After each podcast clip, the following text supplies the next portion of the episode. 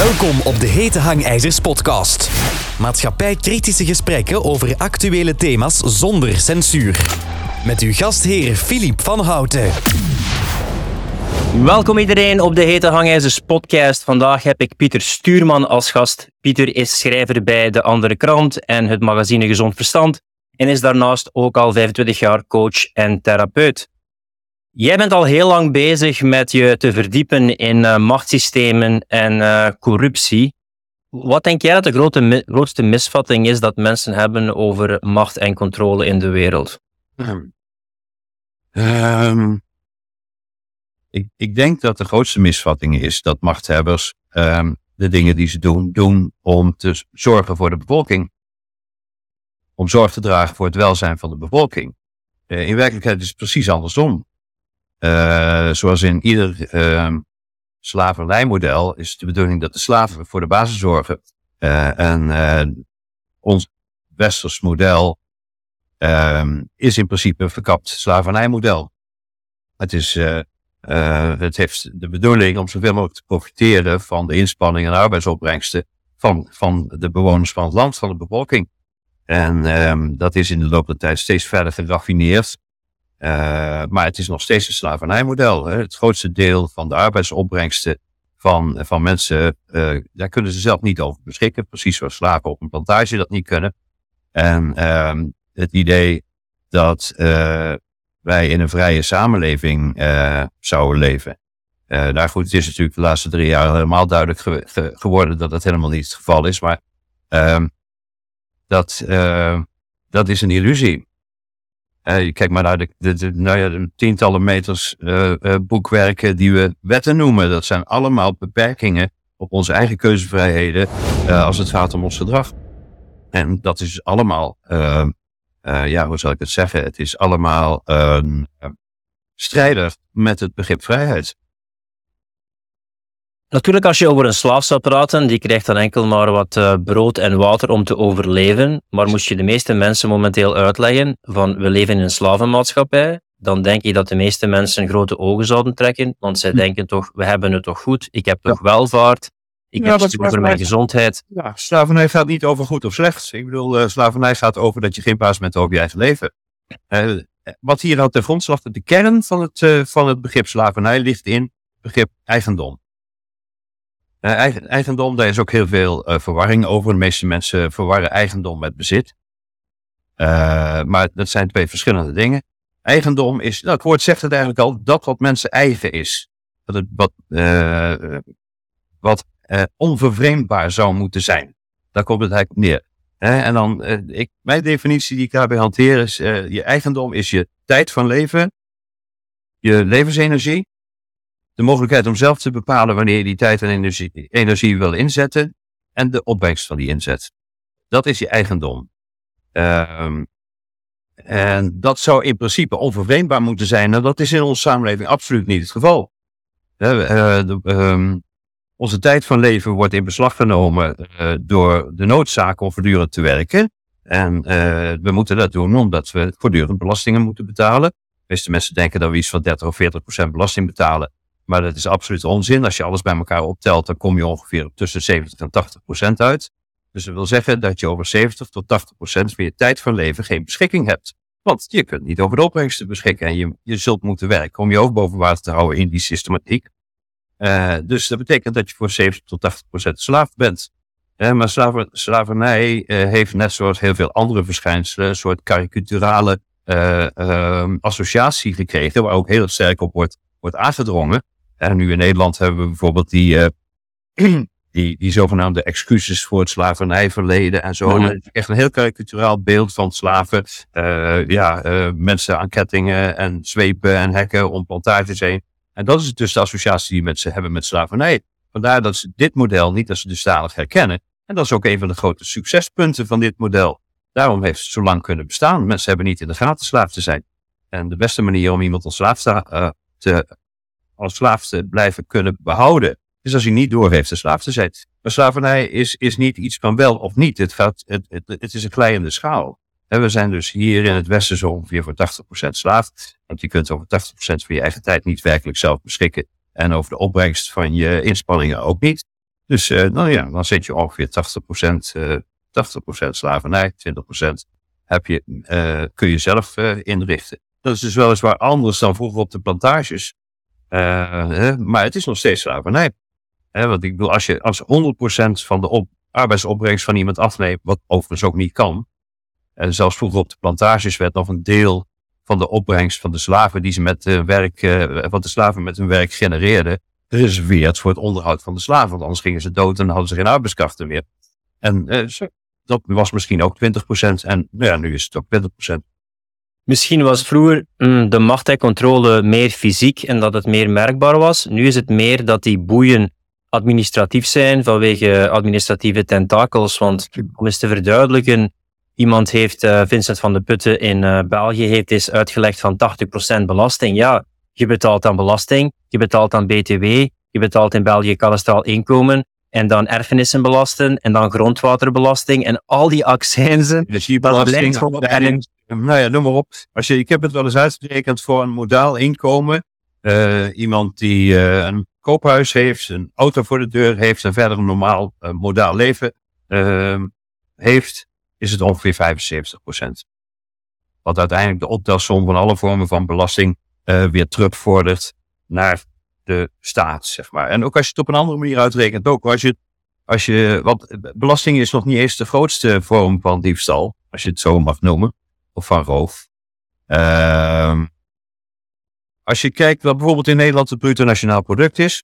En je kijkt wel, eh, dus dat is zeg maar de optelsom van de inspanningen van alle mensen die werken. De optelsom van de opbrengst van de inspanningen van alle mensen die werken. Ongeveer 30% daarvan wordt uitgekeerd in loon. 70% dus al niet. Dus dat komt elders terecht, niet bij degene die dat product niet genereren. Iemand anders dus.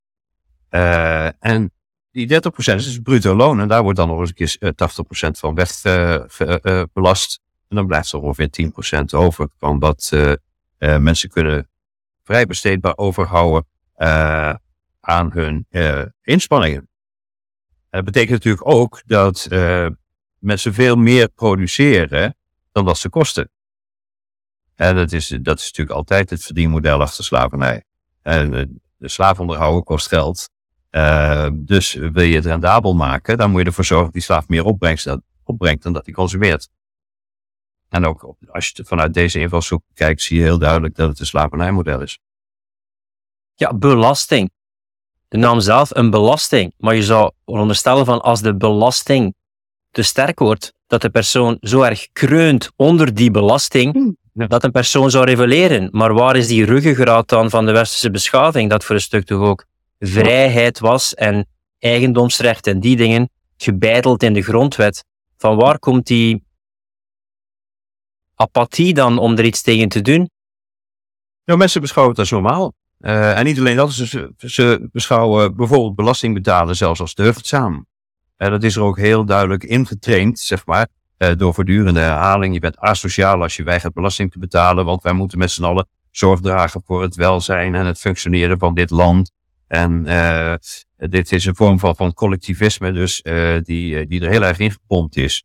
En waarvan mensen zijn gaan denken dat het normaal is. Omdat ze zelf simpelweg ook nooit het rekensommetje maken. Uh, het, het, het, uh, de bewering daarachter klopt ook simpelweg niet. Uh, wat ik net noemde, 30% wordt ongeveer uitgekeerd in lonen. Uh, van die 30% wordt dan nog eens een keer 70 tot 80% weg belast. Ehm, die belasting zou bedoeld zijn volgens de beweringen om bijvoorbeeld wegen aan te leggen en staatsverlichting en nou ja, allerlei uh, publieke voorzieningen. Maar dat zou dus weer omgezet worden in de arbeid. Want dan krijgen bedrijven, die krijgen er opdrachten voor om die straten te maken. En dat wordt dan weer uitgekeerd in loon. Dus dan zou het ook weer teruggebonden moeten kunnen worden in die verhouding. Uh, 30% loon, 70% naar ja, degene maar die hoe, daar... Hoe erg, hoe erg kan je de middenklasse eigenlijk uithollen? Ik denk dat ik gisteren of eergisteren iets gelezen heb van een wet die gestemd was in Nederland weer, dat de middenklasse weer meer belast zou willen worden binnen een bepaalde categorie. Dus hoe ver kan je die middenklasse blijven uithollen? Ja, nou, zolang ze nog kunnen blijven leven en een redelijke uh, staat van, uh, om ik zeggen, een redelijke levensstandaard kunnen aanhouden, dan uh, zou dat vrij probleemloos moeten kunnen. En dat is ook wat, wat blijkt. Um, overigens uh, wordt er wel gewerkt aan een verandering uh, op dat gebied op dit moment. Er wordt, aangestuurd op een verandering van de, van de slavernijsystematiek, zeg maar. Die, die tot, nu toe, de afgelopen nou ja, decennia, zeg maar, afgelopen halve eeuw, heel sterk gebaseerd was op, op economische model. Met daarin uh, een verhouding tussen kapitalisme en socialisme, een beetje afhankelijk van, van het land uh, waar, je, waar je woont.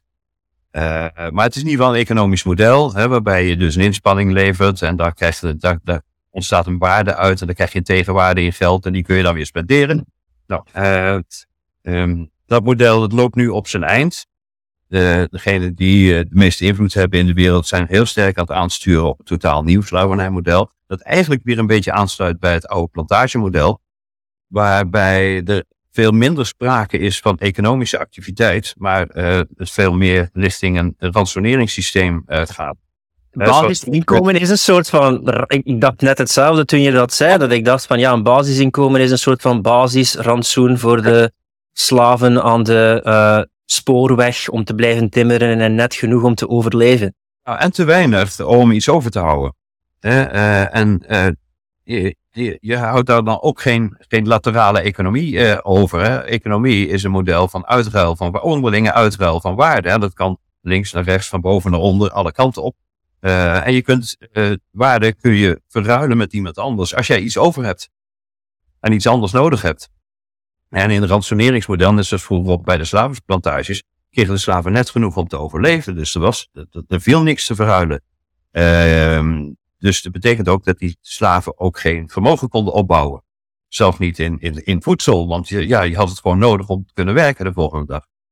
En je ziet dat ook weer terug nu bijvoorbeeld in de, de, het nieuwe monetaire model dat ze voor ogen hebben, de, de digitale currencies, hè, de CBDC's, uh, waar uh, op digitaal geld ook een soort van verloopdatum, hè, een houdbaarheidsdatum komt en een toewijzing waar je je digitale euro aan mag, mag besteden. He, bijvoorbeeld, je hebt deze digitale euro, daar mag je voedsel voor kopen en aan het eind van de maand vervalt die. Dus er bestaat dan ook geen mogelijkheid meer om vermogen op te bouwen. En als je geen vermogen op kunt bouwen, hou je niks over, valt ook niks te verruilen.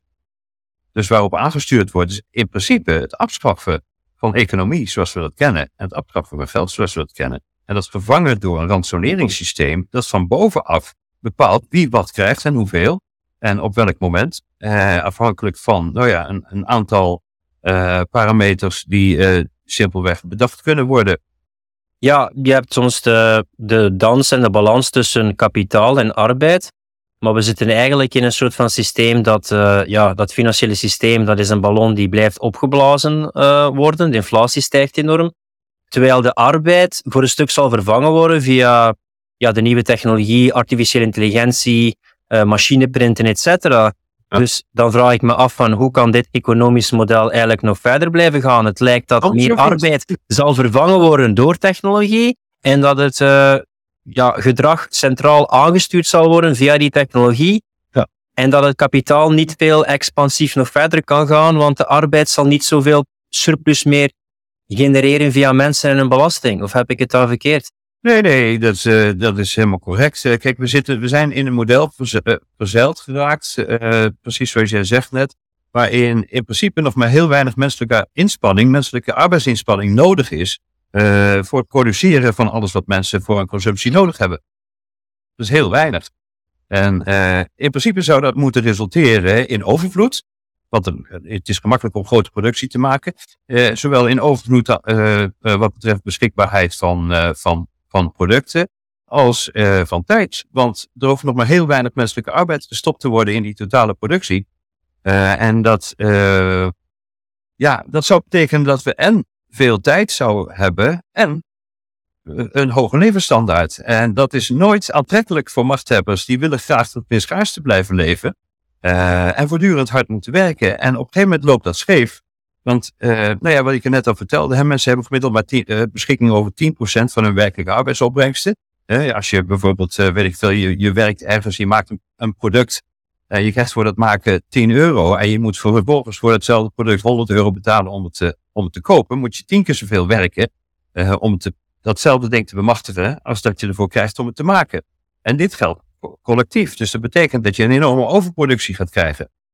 Um, en ja, dat loopt een keer mis. Dus daar moest een keer vervanging voor komen. Uh, ik heb dat jaren geleden al zien aankomen en ook opgeschreven. Uh, ja, dit is een eindig model. En dan moet je wel terug naar een rationeringsmodel, want dat vervalt de noodzaak om tot overproductie te komen.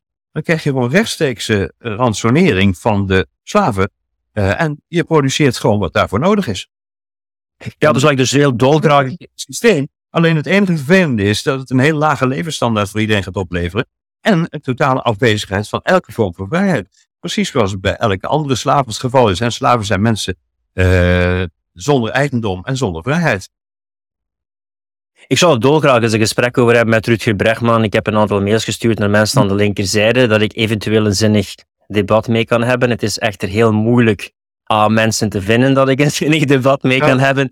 En B, sommige mensen willen zelf niet eens op de podcast komen. Als er iemand aan rechter of conservatieve zijde daar, uh, daar aanwezig zou zijn, spijtig genoeg. Weet je, ja, tegenwoordig is, is uh, conservatief of rechts is een, is een scheldwoord, hè? Het is, het is niet langer een duiding van een bepaalde politieke denkrichting. Het is simpelweg een, een scheldwoord met de bedoeling om iemand in een kwaad daglicht te stellen. Uh, en het werkt ook heel effectief. Uh, het is ja. wel ironisch dat ik kom eigenlijk van linkse hoek die dat vooral anti-etablissement, anti-systeem was. We kijken ook naar de Republikeinen in 9-11 en Bush waren de Republikeinen. We hebben ook eigenlijk heel veel gemeen met mensen met een andere ideologie die ook tegen het systeem, tegen de macht en controle willen werken. Alleen schijnt het nu dat heel vaak een linkse politiek of zogezegde politiek gebruikt wordt om de macht in stand te houden en te polariseren. Want ik denk dat er ook wel mensen aan linkerzijde zijn die zeggen van wij willen iets doen aan die uitbuiting, die macht, die controle. Alleen aan de linkerzijde zijn er minder mensen te vinden dan een conservatieve en een rechterzijde. Ja, ja. Ik, ik vind dat moeilijk. Ik, ik, ik, uh, ik denk dat die kwalificatie links-rechts, dat die eigenlijk op dit moment niet meer relevant is. Uh, je ziet ook dat de begrippen inderdaad, precies zoals jij zegt, ook door elkaar gehaald worden. Uh, kijk, uh, voorheen was het, het, het vrijheidsideaal ehm, werd ook door links uh, omarmd. Uh, vooral in de jaren 60 en 70 en ook wel nog wel in de jaren 80. Hè, toen, uh, toen links en progressief en vrij, dat was eigenlijk één containerbegrip. Um, maar je ziet dat wat voorheen links was, is nu ineens rechts. En wat voorheen rechts was, is nu ineens links. Um, dus ik denk dat we die, die kwalificaties, dat die hoorden bij een bepaald tijdperk, maar nu niet meer opgaan. Ik denk dat Denk jij dat vroeger de machthebbers effectief mensen en de kwantiteit en hoeveelheid van mensen nodig heb, hebben, hadden, maar dat we nu in een tijdperk zitten dat technologie zoveel dingen overneemt en de menselijke maat overneemt, dat we eigenlijk in een posthumaan tijdperk zitten, dat eigenlijk die menselijke massa niet meer nodig is voor machthebbers? Ja, zeker. In economische zin uh, zijn die mensen niet meer nodig voor de machthebbers. Ik bedoel, Yuval Harari, ik weet niet of je die kent, die, heeft dat ook eens gezegd. Zei, ik heb slecht nieuws voor jullie we hebben de meeste van jullie simpelweg niet nodig. En puur praktische zin is het natuurlijk zo. Um, om die productie te maken die nodig is om de huidige hoeveelheid mensen te, te, te, te voeden. Uh, daarvoor heb je maar een heel klein deel van die mensen nodig. En uh, ja, dan zou de, als je het puur bedrijfsmatig bekijkt, dan bijvoorbeeld zoals een boer met, uh, met, met koeien, als hij 10.000 koeien heeft of varkens, uh, en hij rekent uit dat hij met duizend uh, koeien veel efficiënter kan werken en uh, dezelfde op, of een betere opbrengst krijgt. Ja, dan zal die, dan zal die 90% wegdoen. als, als je het puur ontdaan van iedere vorm van ethiek bekijkt, ja, dan zou het voor de exploitanten van deze wereld, degene die hun posities hebben verworven in het oude systeem, daar onmetelijk rijk van zijn geworden door het uh, zeg maar een, een, een, een hyperkapitalistisch model, uh, daar onmiddellijk rijk van zijn geworden. En met die rijkdom hun macht hebben, uh, hebben uh, opgebouwd. Ehm, ja, dan zouden die ehm, gewoon kunnen beslissen van oké, doe maar weg 90% van de mensheid. alleen er zit natuurlijk ook een ethisch aspect aan. Is dat eigenlijk al een aspect geweest in de geschiedenis, dat ethische aspect? Hoeveel keren in een beleid is dat ethische aspect eigenlijk mee in acht genomen? Ja, nou, ik, ik denk in principe eh, eh, heel weinig. Alleen eh, er is altijd wel mee gepropageerd. Uh, dus altijd, men heeft altijd laten geloven dat degene de macht hebben, of nou de koning was of de president, dat hij vanuit ethische overwegingen en ideolo ideologische overwegingen met een, gebaseerd op een, op een morele fundament, dat, dat dat de drijfveren waren van de leiders. En dat is natuurlijk ook wel handig, want dan krijg je een bevolking die dat steunt. als de bevolking op een gegeven moment het leiderschap van de bestaande leiders niet meer uh, accepteert, ja, dan krijg je problemen. Uh, revoluties en dat soort dingen. Dus het is altijd, kijk, je kent de uitdrukking misschien, uh, gelukkige slaven zijn de grootste vijanden van de vrijheid. En daarom is, is het voor de, de slavenhouders altijd van belang dat de slaven zo gelukkig mogelijk zijn, want daar hebben ze het minste last mee. En dat is ook wat je terug hoort nou bij, bij Klaus Schwab bijvoorbeeld. Hè? You will own nothing and you will be happy. Nou, we hebben het net over gehad. Geen eigendom. Dat betekent dat je niet over je eigen leven, of datgene wat jouw leven, wat, wat jou als mens eigen is, en onvervreemdbaar, onvervreemdbaar, onvervreemdbaar zou moeten zijn, dat je daar niet meer over kunt beschikken. En nou ja, en, en meneer Swaap zegt er dan bij, and you'll be happy. Dat hoopt hij dan, dat we daar tevreden mee zijn. Dat hij geen last met ons krijgt. Het lijkt ook ironisch dat uh, de mensen die heel veel bezit hebben, net propageren dat bezit compleet niet belangrijk is. Ja, nou ja, dat moet je natuurlijk propageren. Wil je mensen bereid maken om afstand te doen van hun eigendom. Maar eigendom en bezit zijn twee heel verschillende dingen. He, bezit bestaat, zeker als je het hebt over deze figuren in de top van de machtspyramide, die onmetelijk rijk zijn, de, de hypermiljardairs. Uh, hun vermogen bestaat voor veruit het grootste deel, voor bijna alles, uit eigendom van anderen. Via slavernij afgenomen eigendommen van anderen. Uh, hè, dus uh, als we nou een, een, een, een soort van werkelijke moreel correcte reset zouden moeten uitvoeren, dan zou eigendom, omdat het heel nauw verbonden is met het menselijk leven zelf. Hè, je, je wordt geboren op deze aarde, bepaalde zaken zijn van jou, zijn van jou en van jou alleen. Hè, nogmaals, die tijd van leven, je energie, je levensenergie, de mogelijkheid om daar iets mee te doen wat je wil en de opbrengst van wat je ermee doet. Dat hoort van jou te zijn en hoort onvervreemdbaar te zijn bijvoorbeeld, ik noem een voorbeeld, uh, je, je gaat werken, je verdient uh, in twee weken tijd verdien je 1000 euro en dan ga je daar een mooie fiets van kopen. Die fiets is dan jouw eigendom, want die heb jij gegenereerd met jouw tijd en inspanning. Nou, als die fiets de volgende dag verstolen wordt, is die in het bezit van de dief, maar hij blijft jouw eigendom.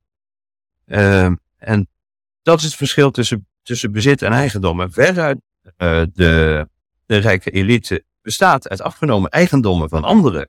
Het bestaat uit, uh, um, ja, waar we het net over hadden, die 90% die van mensen, van de menselijke inspanning wordt afgenomen. En niet bij de mensen die die inspanning leveren zelf terechtkomt.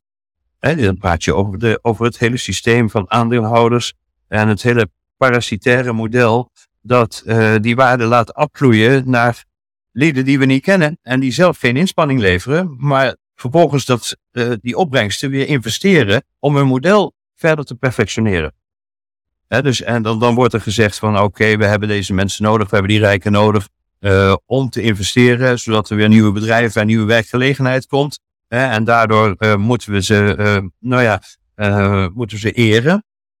maar het is makkelijk om goede sier te maken met geld dat al eerder gestolen is. En dus wat dat betreft zouden we iets verder moeten kijken naar alleen deze praktische overweging. Soms vraag ik me af, als aliens zouden landen op de planeet, wat is nu iets dat zou omschreven worden als typisch menselijk? Dit is een menselijke deugd of een menselijke waarde. Wat zouden die zaken zijn? Grappig dat je, grappig dat, je dat zo noemt. Ik heb mijn hele leven de gedachte gehad dat ik hier een soort alien was op deze planeet. En dat ik hier naartoe gestuurd ben om eens, te, om eens een kijkje te nemen en als ik terugkom straks te rapporteren. Mijn advies zou zijn, blijf hier maar weg. Want wat waarderen wij eigenlijk nog in deze maatschappij? Dat is de vraag. We kunnen het misschien spijtig vinden dat de menselijke maat verdwijnt, maar wat is de menselijke maat? Wat zijn die uniek menselijke eigenschappen van de maatschappij? Als we het over menselijkheid hebben, hebben we het meestal over de positieve aspecten van menselijkheid. Uh, het, uh, het, vermogen tot medeleven, empathie, uh, liefde, saamhorigheid, nou ja, noem het allemaal maar op, wijsheid. Uh, alle zaken waar mensen in principe toe in staat zouden moeten zijn, in, theorie. Uh, um, maar uh, als je naar onze geschiedenis kijkt, onze menselijke geschiedenis, is het eigenlijk één op één volging van, van kwaadaardigheden. van, van, van vervolgingen, genocides, kwaadaardige oorlogen, opzettelijk opgevoerde hongersnoden en dat soort zaken. Dus het is, zijn vooral de tegenovergestelde zaken die ons kenmerken over het algemeen. En dat is, dat is wel iets wat ik in de laatste drie jaar. Ik moet zeggen, de laatste drie jaar heb ik echt een ander, mensbeeld gekregen. Voorheen dacht ik altijd van, uh, als het een keer spannend wordt en mensen worden geconfronteerd met de consequenties van hun eigen goedgelovigheid en uh, het, het, meegaan in wat, wat de zogenaamde leiders ze opdragen. Als het op een gegeven moment echt spannend wordt, gaat ze echt raken. dan gaan ze hun vermogens wel aanspreken. Maar ik heb gemerkt dat het tegenovergestelde het geval is. Ja, om, om ergens voor te staan moet je ook iets waardevol vinden om, om voor te vechten en op te staan. En dat is de grote vraag. Ik zie, ik zie bij dat uh, verdwijnen van de menselijkheid, de menselijke maat, dit vervangen van menselijkheid door technologie een heel groot probleem. Ja. Maar wat kunnen wij dan centraal zetten, of wat zou de mens centraal moeten zetten om te beseffen van hier moeten we voor opkomen? Nou ja, voor het leven zelf. En uh, het leven zelf is de basis van ethiek. Ethiek is datgene dat het leven respecteert. Uh, hè, dat het leven de gelegenheid geeft uh, om te floreren. daar is in principe alle, alle, alle werkelijke ethiek op gebouwd. En die wordt nu vervangen door een soort van systeem van deugdzaamheid. Waarbij er kunstmatige waarden worden opgevoerd. En wat overigens heel effectief werkt. Ja, want uh, ja, je kunt die kunstmatige waarden opvoeren en je kunt dan vervolgens mensen die zich daaraan houden, kun je heel erg in het zonnetje zetten uh, en als deugdzaam presenteren. En dat is iets wat mensen toch wel prettig vinden. Mensen worden liever deugdzaam gevonden dan dat ze het werkelijk zijn. Um, maar wat ik wel zie is een groot moreel verval. Ik zie een groot moreel verval, uh, morele degeneratie zou jij kunnen zeggen. Die en hoe merk jij dat? Op welke aspecten van de maatschappij merk je dat? Ik merk dat aan de afwezigheid uh, van, van, van, uh, uh, van vrijwel iedere werkelijke moraliteit, ehm, waaronder dus het respecteren van eigendommen, een van de basisbegrippen is. Beschikkingsrecht bedoel je dan ook voor een stuk? Beschikkingsrecht over je lichaam? Ja. Het gaat voornamelijk over het beschikkingsrecht over je eigen leven. En dat, dat klinkt heel individualistisch, heel individualistisch. Uh, maar um, kijk, als, je, als daar een nieuwe, um, een, een herstelde norm zou kunnen ontstaan. Uh, en een nieuw besef dat uh, dit leven het enige is wat we feitelijk hebben. en dat we daar dus mee moeten doen. En dat we er alles aan zouden moeten doen om dat in bescherming te nemen door degenen die erop uit zijn om het van ons af te nemen. En dat dat een van de basisvoorwaarden is om, een, om, een, om een volwaardig leven te kunnen, kunnen leiden. Um, als mensen daarvan meer doordrongen zouden zijn en er dus beter zorg voor zouden dragen, dan zou uh, het leven er heel anders uitzien. In ieder geval anders dan wat ze voor ons nu in petto hebben. Want als je kijkt naar de modellen die op dit moment worden uitgewerkt. Ik heb vanmorgen nog een column geschreven voor de andere krant. Ehm, ken je de C C40 cities? Heb je daarvan gehoord? 10-minute cities of 50-minute cities? Ken nou, C40 cities is, uh, is een, uh, een soort uh, klimaatclub, een internationale, of zo te zeggen, een globalistische klimaatclub van burgemeesters van steden. Gesteund door het World Economic Forum. En die heeft, en dat heet C40, ik ben eventjes de naam precies kwijt. C40 cities, um, climate nog niet. Maar het gaat er helemaal over het klimaatverhaal. Uh, die, uh, daar komt ook het idee van die 15 minuten steden vandaan. Uh, onder andere in Nederland zijn Rotterdam en Amsterdam. De burgemeester van Rotterdam en Amsterdam zijn erbij betrokken. en zij hebben laatst een, een, rapport uitgebracht in samenwerking met de Universiteit van Utrecht. Waarin wordt aangedrongen op een ransoneringssamenleving op, ver, uh, waarbij het model van de Tweede Wereldoorlog aan de basis zou moeten liggen. Um, geen vlees meer, geen zuivelproducten meer. Nog maximaal drie kledingstukken per jaar. Dus laten we zeggen één onderbroek en twee paar sokken. en geen, geen autobezit meer en nog een aantal van die zaken. allemaal voor het zogenaamde klimaat. En weet je, um, dit is dus, dit gaat om het vernietigen van eigendommen. Uh, uh, maar dat klimaatexcuus, dat werkt dusdanig goed dat mensen denken dat als ze offers brengen, dat ze een deugzaam mens zijn. Terwijl ze in principe hun eigen leven inleveren en eisen van andere mensen om zich heen dat ze dat ook doen.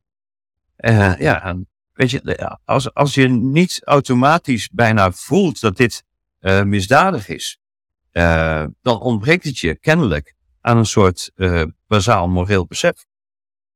Ja, je wordt eigenlijk geleefd als, je hebt die film Modern Times en Charlie Chaplin, dat door die industriemachine en al die radertjes en wieltjes gaat en eigenlijk een soort van, ja, product is op een uh, legbatterij en een band die voorschrijdt. Ik zie een soort van maatschappij dat je opstaat en je staat op, je komt geen mens tegen, je gaat in je ijzeren kooi, in je auto met zelfrijdende wapens, je komt geen mens tegen, je moet wat cijfertjes induwen en dan word je teruggevoerd en je komt geen mens tegen. Je wordt geleefd en van A tot Z is je leven volledig geregeld. Ja. Uh, ja, ik denk dat dat voor jou en voor mij een schrikbeeld is, uh, Philippe. Ja, dat is, ja, dat is een item op een band in een supermarkt en een soort van wegwerkproduct. En dan word je, ja, je hebt eigenlijk geen beschikkingsrecht meer van al het proces. En als je braaf bent, mag je net overleven. Ja, precies dat. En toch is het denk ik een aantrekkelijk aanbod voor heel veel mensen. Ik heb, ik heb de proef wel eens op de som genomen. Ik heb wel eens mensen gevraagd, wat zou je liever hebben? Dat je in volledige vrijheid leeft, maar verantwoordelijk bent voor alles in je eigen leven. Uh, dat je voor iedere beslissing zelf verantwoordelijk bent, dat je die ook zelf moet nemen. En dat je ook voor alle consequenties van die beslissingen verantwoordelijk bent. Dat is het ene. Of aan de andere kant, dat je alleen maar hoeft te gehoorzamen en de garantie hebt op overleving. Wat zou je kiezen? heel veel mensen kiezen voor het laatste. Ja, dat is toch wel makkelijk. Dit gaat ook het boek Ernest Becker, The Denial of Death, gaat er voor een stuk over, over de twee mechanismen in een mens. Voor een stuk is het de individuatiereflex van ik wil een individu worden. En dat is eigenlijk je afkeren van de moeder, moedertje staat, en dan uh, je bewijsopste van je vader, dus een uniek individu worden. En aan de andere kant heb je die versmeltingreflex, dat je eigenlijk in de baarmoeder wil blijven van de moeder, dat uh, ja, uh, andere mensen voor je zorgen en dat je deel bent van de massa. Dat zijn eigenlijk twee reflexen. Dat je goedgekeurd wordt door de groep en een deel bent van iets groter. En de andere kant is dat je een individu bent en jezelf wilt ontwikkelen. Ja. Maar dit is bijna naar een compleet infantiele staat willen gaan, dat je in de baarmoeder van, de, van moedertje staat blijft zitten. Ja, je ziet het al alles terug. Die hele trend van infantilisering, die zie je in exponentieel toenemende mate. kijk maar eens naar televisie bijvoorbeeld, hoe je wordt aangesproken. We hebben ook uh, ja, maar overal. Hè. Wil, uh, we hebben uh, de afgelopen decennia natuurlijk, die, vooral in Nederland, in België is er wat later op gang gekomen, maar die hele je-jij-cultuur, waar iedereen je en jij is, hè, zoals je kinderen aanspreekt. maar als je een gemiddelde televisiereclame bekijkt, de manier en de stemmetjes en je hebt de poppetjes en dansen de mensen die uitzinnige dansjes doen om, van, vanwege een of ander nieuw afwasmiddel. Ehm, het is allemaal zo infantiliserend. Eh, maar niet alleen dat, kijk gewoon naar een, naar een gemiddeld uh, televisiejournaal. de, de, de, de, de, toon en de taal die daar gebruikt wordt, die, is, uh, ja, die kun je nog het beste vergelijken met, wat, met, met het Sinterklaasjournaal, zeg maar, zoals kleuters worden aangesproken. En dat is een, een, een, steeds verdergaande infantilisering, ehm, die dus weer, zeg maar, een soort neergaande beweging richting die baarmoedersituatie die jij net noemde, waarbij verzorging en bescherming Hè, overigens ook iets wat, wat, wat heel erg speelt op dit moment. Hè? Veiligheid. Uh, alles draait ineens om veiligheid. Je ziet uh, kinderen op stepjes door de tuin fietsen of uh, steppen met een helmpje op. Ik zag laatst in de zomer een, een, een, een peuter in, een, in een opblaasbadje, zo, zo, zo diep, met, met, met van die opblaas veiligheidsdingetjes om. Het, het hele begrip veiligheid is zo dominant aanwezig. Uh, en dat is natuurlijk ook wel een strategisch succesnummer, want je kunt bijna niet tegen veiligheid zijn. Uh, maar ja, ik, kan, ik kan me herinneren, ik eh, ben opgegroeid in de jaren 60 en 70 en wij, toen ik een jaar of, nou wat zou ik zijn geweest zijn, een jaar of acht, negen. Ehm, toen reden we met onze Volkswagen Kever naar Zuid-Frankrijk. met vier kinderen achterin, twee in de kattenbak, twee op de achterbank. Uh, zonder autogordels met een kettingrokende vader achter het stuur. Uh, ja, als je dat nou nu zou doen, dan zou je bij spreken levenslang de gevangenis ingaan. Want, want het is niet veilig. En die veiligheid, die wordt op een gegeven moment dodelijk. En die wordt zo dodelijk dat er geen bewegingsruimte meer is. Het is verstikkend. Je hebt geen bewegingsruimte meer, geen mogelijkheid meer om jezelf te ontwikkelen, omdat je voortdurend uh, die. Het is ook wel een vernuftig, vernuftig mechanisme, want als je kijkt dat er de babyficatie of de verkleutering van de maatschappij is, waar draait het bij dat kind meestal om? Veiligheid is nummer één. Ja. Als je enkel op veiligheid focust, wat ga je niet ontwikkelen? Autonomie. En in deze triggermaatschappij, waarbij de getriggerde persoon gelijk heeft, wat is een andere persoon waar je altijd uitgaat van die trigger is geldig? Bij een baby. Ja, precies. Hij zal niet uh, genoeg uh, eten, uh, eten hebben, hij zal zich niet veilig voelen en dan ga je altijd uit van het is de fout van iemand anders. Dat doe je vaak enkel bij een baby. Ja, zeker, maar bij kinderen en baby's is dat ook werkelijk zo. Kinderen en baby's zijn nog niet in staat om hun eigen verantwoordelijkheden te dragen. Als de ouder ze niet draagt voor ze, dan kan een, een, een, een zevenjarige kan niet zeggen, zeggen pa, maar weet je, ik ga voor mezelf beginnen. Dat kan niet. Die is overgeleverd aan de zorg van de ouder. En die ouder is daar verantwoordelijk voor.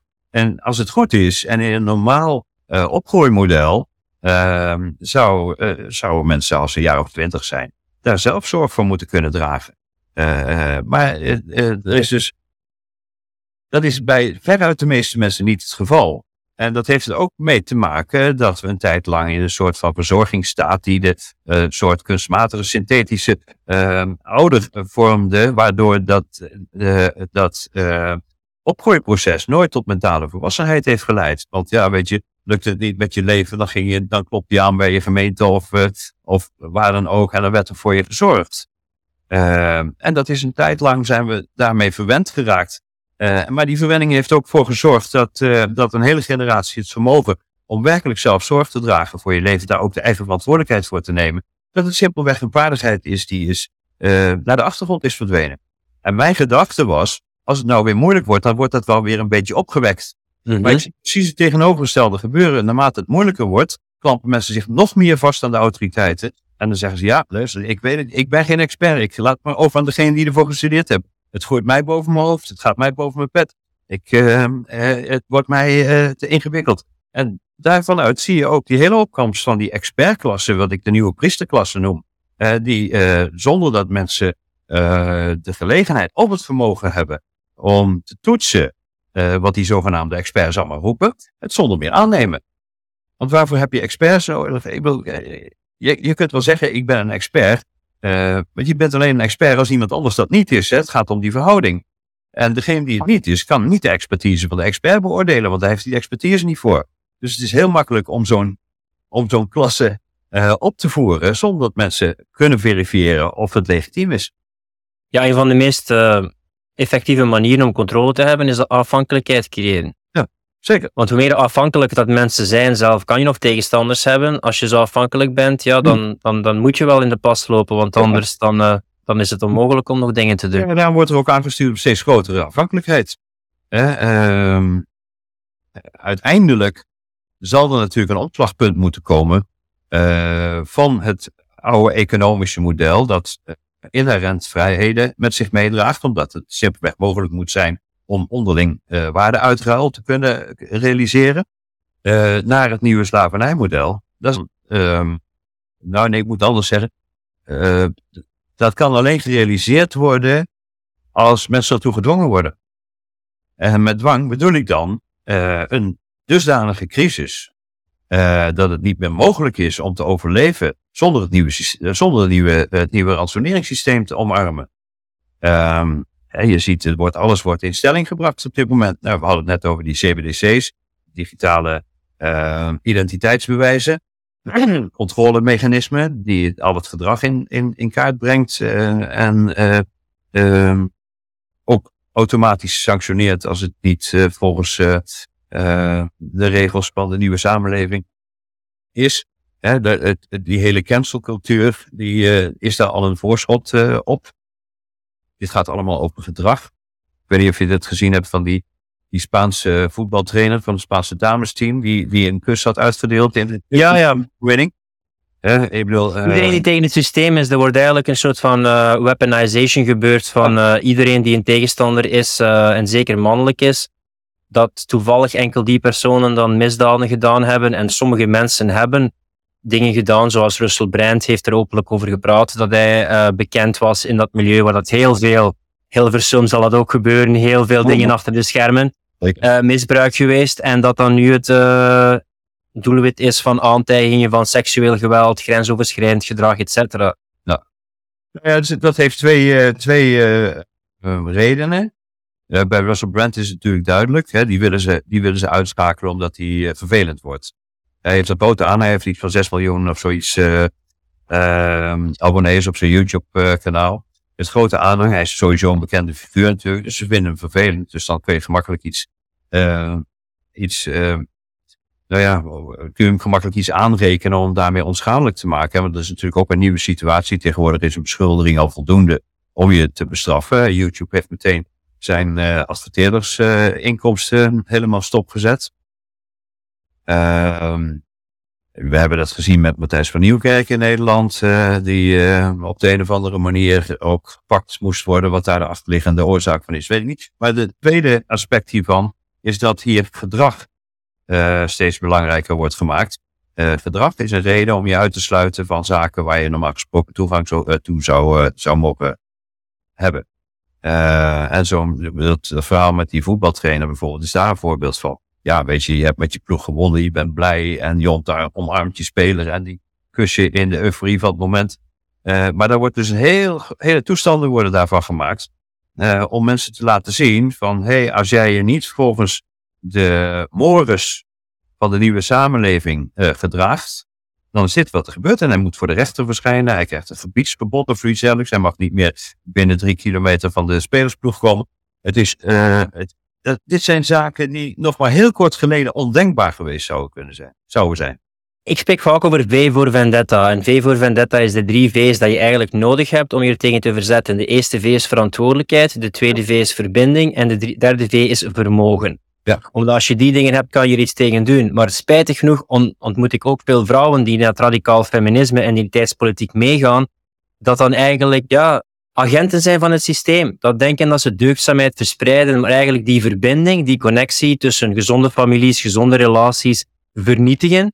En mhm. dat daardoor eigenlijk een geïndividualiseerd individu worden, vol met wraak en weerzin en heel makkelijk manipuleerbaar mhm. zijn om een frustratie en agressie, ergernis te projecteren op een externe vijand. Ja, zeker.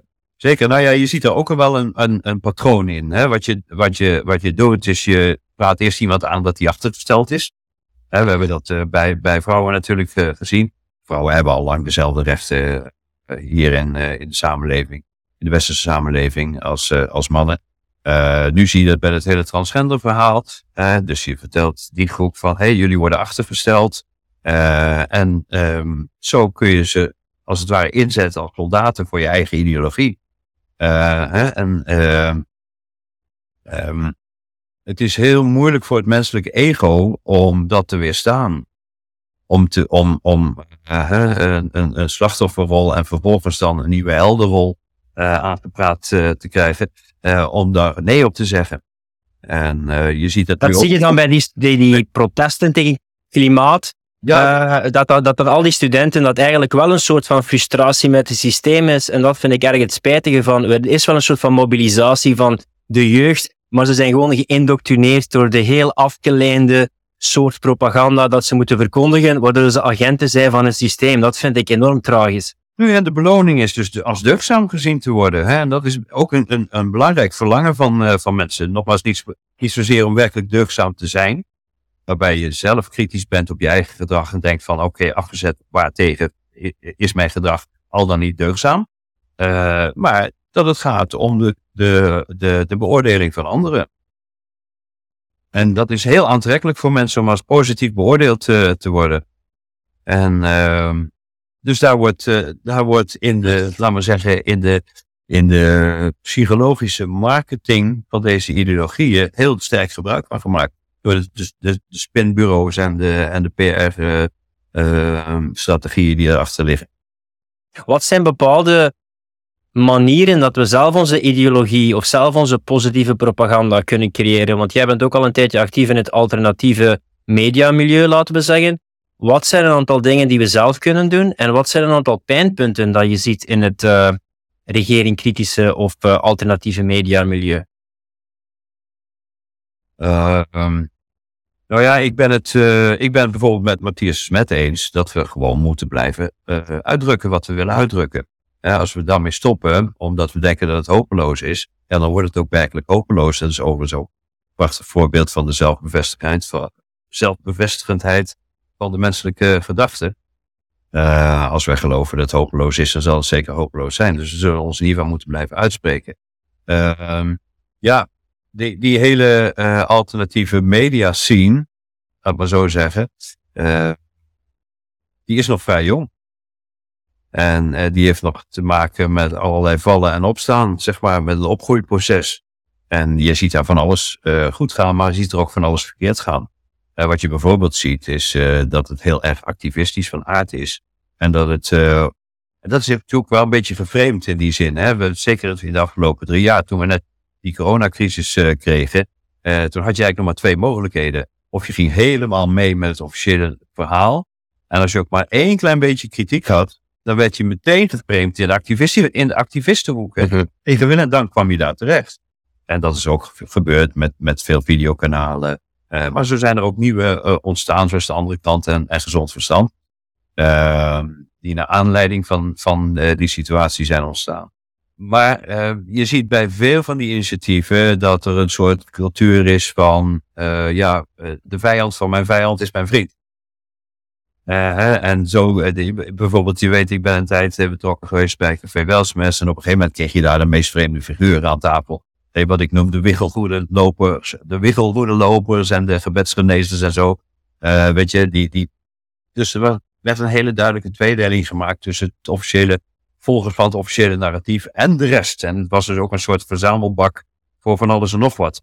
Dus een, een kritische kijk op kwaliteit en een kwaliteitsnorm, denk ik dat heel erg, heel erg belangrijk is. en dus niet zonder meer iedereen die maar wat roept, wat tegen de overheid is, een podium geven zonder daar kritisch op te blijven. Dus dat is wel iets wat, wat volgens mij belangrijk is. Ja, wat ik een beetje mis zijn twee dingen. Eén, en ik snap het, uh, ja, voor een stuk hebben we het ook gedaan in de podcast hier, maar sommige mensen in het alternatieve milieu, die, die klagen de slachtoffercultuur aan en zien andere mensen als slachtoffers, maar ze gedragen zichzelf als een slachtoffer van het systeem. Ja. En ze nemen zelf geen verantwoordelijkheid of creëren geen systeem. En daarom dat ik heel neig hou met, uh, van met ondernemers te werken, die dingen opbouwen, alternatieven ontwikkelen, want anders laat je zelf de schouders hangen. Dat is één element. En het tweede element is ook een soort van echokamer, dat je om een duur allemaal dezelfde thema's blijft bepraten. En voor mij zou het interessant zijn, moest je iemand hebben aan, ja, laten we zeggen, rechtse zijde, die zegt van nee, nee, klimaatverandering, dat is er uh, echt wel. Of iemand aan linkerzijde, dat echt wel voor de linkse principes staat, maar zegt van ja, die transgender uh, propaganda, dat vind ik wel nonsens. Ja, dat, zou ik echt wel eens interessant vinden. Ja, en Laurens Buis is er natuurlijk eentje van, hè? die ken je ook. Uh, die zegt in ieder geval dat hij vanuit linkse politieke hoek komt. Uh, nou ja, goed, zoals ik net al zei, ik vind die links-rechts, dat schisma vind ik op dit moment eigenlijk niet meer toepasselijk voor, voor de samenleving functioneert. maar ja, um, dat zou inderdaad wel, uh, wel mooi zijn. Dus wat, dat is weer die, die scheiding die, uh, die, die eigenlijk heel sterk uh, ontstaan is drie jaar geleden bij het begin van, van, de, van de coronacrisis. dus dat is wel iets ehm, wat ik heb wel de indruk. Kijk, daarmee is in, is een hele tijd het hele middengebied weggevallen. Um, nogmaals, je was op helemaal volger en bij het kleinste beetje niet volger werd je meteen in de, in de, in de activisten ook gestopt. Je ziet nu in Nederland in ieder geval dat er weer een soort van, dat, dat, dat gat in het midden weer een beetje vol aan stromen is. Je ziet uh, columnisten in de Telegraaf bijvoorbeeld die uh, behoorlijk uh, kritisch zijn. Ehm, ehm, ik zag ook een artikel in Trouw. De ombudsman van Trouw die nu zelf ook vraagtekens begint te stellen bij, ehm, ja, hebben wij het als journalistiek uh, vakgebied, zeg maar, wel correct gedaan in de, in de, in de coronacrisis. Uh, ik merk het ook gewoon op straat en met de mensen uh, waarmee ik omga, dat die, dat ze, ja, dat er een soort nieuwe openheid aan het ontstaan is, maar dat de afstand tussen de mensen die tot nu toe een wereldbeeld vormden op basis van wat de media's voorspiegelden en daar nu minder vertrouwen in hebben. Er is laatst een onderzoek geweest in Nederland dat, uh, waaruit bleek dat 20% van de Nederlanders, 1 op de 5, geen vertrouwen meer heeft in de massamedia. En dan praat je dus over, ja, wat is het, uh, 3,5 miljoen mensen. Uh, maar wij met de alternatieve media bereiken die groep nog helemaal niet, lang niet zoveel. Uh, dus daar ligt een onontgonnen gebied. en die mensen zijn ook een beetje verweest geraakt, want ze kunnen nu niet meer vertrouwen op de media waar ze, voor waar ze voorheen op vertrouwden. maar ze hebben eigenlijk ook nog geen alternatief, omdat in, in hun perceptie wij met Café Weltsmets en de andere kant en gezond te radicaal zijn. En bovendien hebben we ook een soort ontwikkelingsvoorsprong van drie jaar op ze de mensen die nu net nieuwe ideeën beginnen te krijgen en afvallig worden van, van, van politiek en media, ja, die hebben een, een, een, een stukje educatieproces gemist. Uh, dus ik denk dat, uh, dat het belangrijk is dat er iets komt waar deze mensen zich gehoord voelen. Ik kijk dus met verbazing naar de Nederlandse politiek. Want in België is het al ingewikkeld met verschillende partijen, maar in Nederland is het A, zo een lappendeken met zoveel verschillende partijen. Ja. En dan overlopers van partijen die dan een eigen partij starten en die hebben dan in één legislatuur enorm veel stemmen en dan verliezen ze weer alles. Ja. Wat is er aan de hand met die democratie en die golven en complete willekeur van die politiek en democratie in Nederland op het moment en de laatste jaren? Ja. Want je ziet dus, de democratie, grootste partij met provinciale verkiezingen. Dan heb je BBB en dan heb je Wieber van Haga en ik kan zo wel doorgaan, Pieter Omzicht van de CDA. Ja, dus dat is een trend in de Nederlandse politiek. Ja. Nou ja, dat is een beetje de politieke cultuur in Nederland ook. Hè. En dat is niet voor het eerst, want we hebben in het verleden hebben we dat ook al meegemaakt met, uh, met Pim Fortuyn in de tijd. En ik kan me nog herinneren in de, in de jaren, begin jaren zeventig, met Boer Koekoek. Dat was een soort BBB uh, aanvallen letteren. Uh, maar wat, je, wat natuurlijk een beetje inherent is aan dit, aan dit uh, politieke systeem, aan dit democratiemodel, is dat mensen op een gegeven moment ontevreden raken. Uh, en dan, ja, dan vestigen ze een hoop weer op een nieuw gezicht. en dan vervolgens wordt dat dan weer de grote man of vrouw. En dan een tijdje worden ze daar weer ontevreden over en kiezen gewoon weer een nieuwe. dus dit ook een patroon dat zich steeds herhaalt toen, toen in het midden van de 19e eeuw die, die moderne democratieën opkwamen, was het echt niet zo dat de toen heersende aristocratie zei van nou het is wel leuk geweest, het is genoeg geweest, uh, hè, uh, wij leveren alles in wat we hebben en we gaan het op deze manier doen. Uh, daar, daar is een ander model uh, toen voor geïnstalleerd, uh, dat juist hun belangen moest behartigen en dat is ook wat je nu terug ziet als je kijkt naar hoe de, de, de hiërarchische piramide in de wereld in elkaar steekt. Uh, uh, en zo kun je mensen steeds weer opnieuw hoop geven, zodat ze zich blijven binden aan het systeem. En ja, onafhankelijk van hoe vaak die teleurstelling dan weer komt, dan ligt het, ja, dan ligt het aan die persoon die ze teleurgesteld hebben, kiezen ze weer een andere. Vervolgens komt de teleurstelling, kiezen ze weer een andere, enzovoort, enzovoort. Zo kun je online nog doorgaan. Uh, en je ziet het vooral in tijden van moeilijkheden, waar veel, waar, waar, waar veel uh, controverse is, in tijden van economische crisis of wat voor crisis dan ook. Uh, dat mensen teleurgesteld zijn in de, de mensen die ze voorheen gekozen hebben. En dan ja, maakt een nieuw gezicht weer grote kans.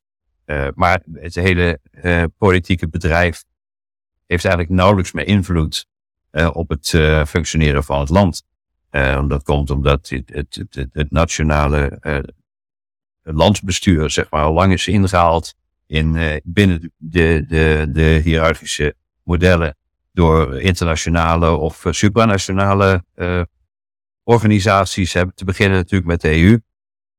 Ehm, en daarboven um, de grote belanghebbers.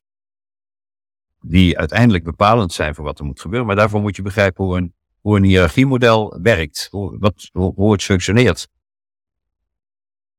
Want daarom ook in België, alleen in België heb je zoveel partijen dat als je meerderheid wilt, moet je zoveel partijen combineren dat je om een duur een compromispartij wordt, dat niets meer mogelijk is. Maar je hebt ook, hè, want dan kom je ook met alles weg. Hè? Ik bedoel, je hebt allemaal partijprogramma's, mensen stemmen nu op omzicht, die heeft een partijprogramma. En uh, ja, ze zou hem erop kunnen afrekenen, want hij gaat het natuurlijk nooit realiseren. Uh, maar ja, dan heeft hij als excuus, ja, sorry, we moesten toch een compromis sluiten, want we hebben, moeten nog een aantal andere partijen erbij betrekken. Uh, dus uh, ja, uh, daarom hebben we ons verkiezingsprogramma niet helemaal kunnen, kunnen uitrollen. Also je ziet dat, dat er eigenlijk nooit een verkiezingsprogramma gerealiseerd wordt. Het zijn, het zijn alleen maar beloften en uiteindelijk um, ja, zijn het heel andere zaken die bepalen wat er, wat er in praktijk gedaan wordt.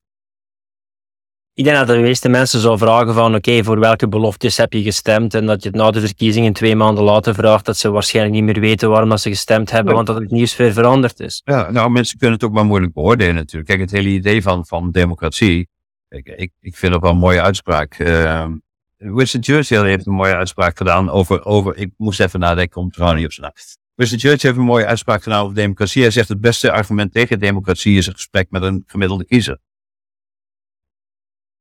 En daar heeft hij natuurlijk wel een punt. Het idee is dat de betere mensen gekozen worden, de mensen met de beste mensen onder ons, dat die gekozen worden. de meest wijze, verstandige, gestudeerde mensen uh, met de meeste kennis, dat die gekozen worden om het land te besturen. Het probleem is alleen dat de kiezer dat niet kan beoordelen, omdat hij zelf niet over die expertise beschikt. Dus het is uiteindelijk gewoon een populariteitspol. Degene die, uh, die de dingen zeggen die het beste landen bij het publiek, die uh, krijgen op dat moment uh, de stemmen. Zeker als we ontevreden geworden zijn over de vorige waar ze vertrouwen eerst in hadden gelegd. Maar als we dit testen aan Nederland, dit is zo'n rampregering geweest. Ja. Van crisis naar crisis met een wanbeleid. Hier was het wanbeleid zelf openlijk. Ja, zeker. Het was openlijk. Openlijk wanbeleid. En je ziet ook dat er nog maar, uh, ik geloof nog maar 23% van de Nederlanders heeft vertrouwen in de politiek. Als systematiek, hè? Als politiek, heel Den Haag, het hele politieke um, bedrijf, 23 procent. Toch blijven ze erop stemmen. Bij gebrek aan beter. Uh, uh, heel veel mensen, ik denk 80 procent van de mensen uh, is simpelweg niet in staat om zichzelf aan te sturen. En heeft gewoon orders en, en, en richtlijnen nodig om, om zich door het leven te begeven.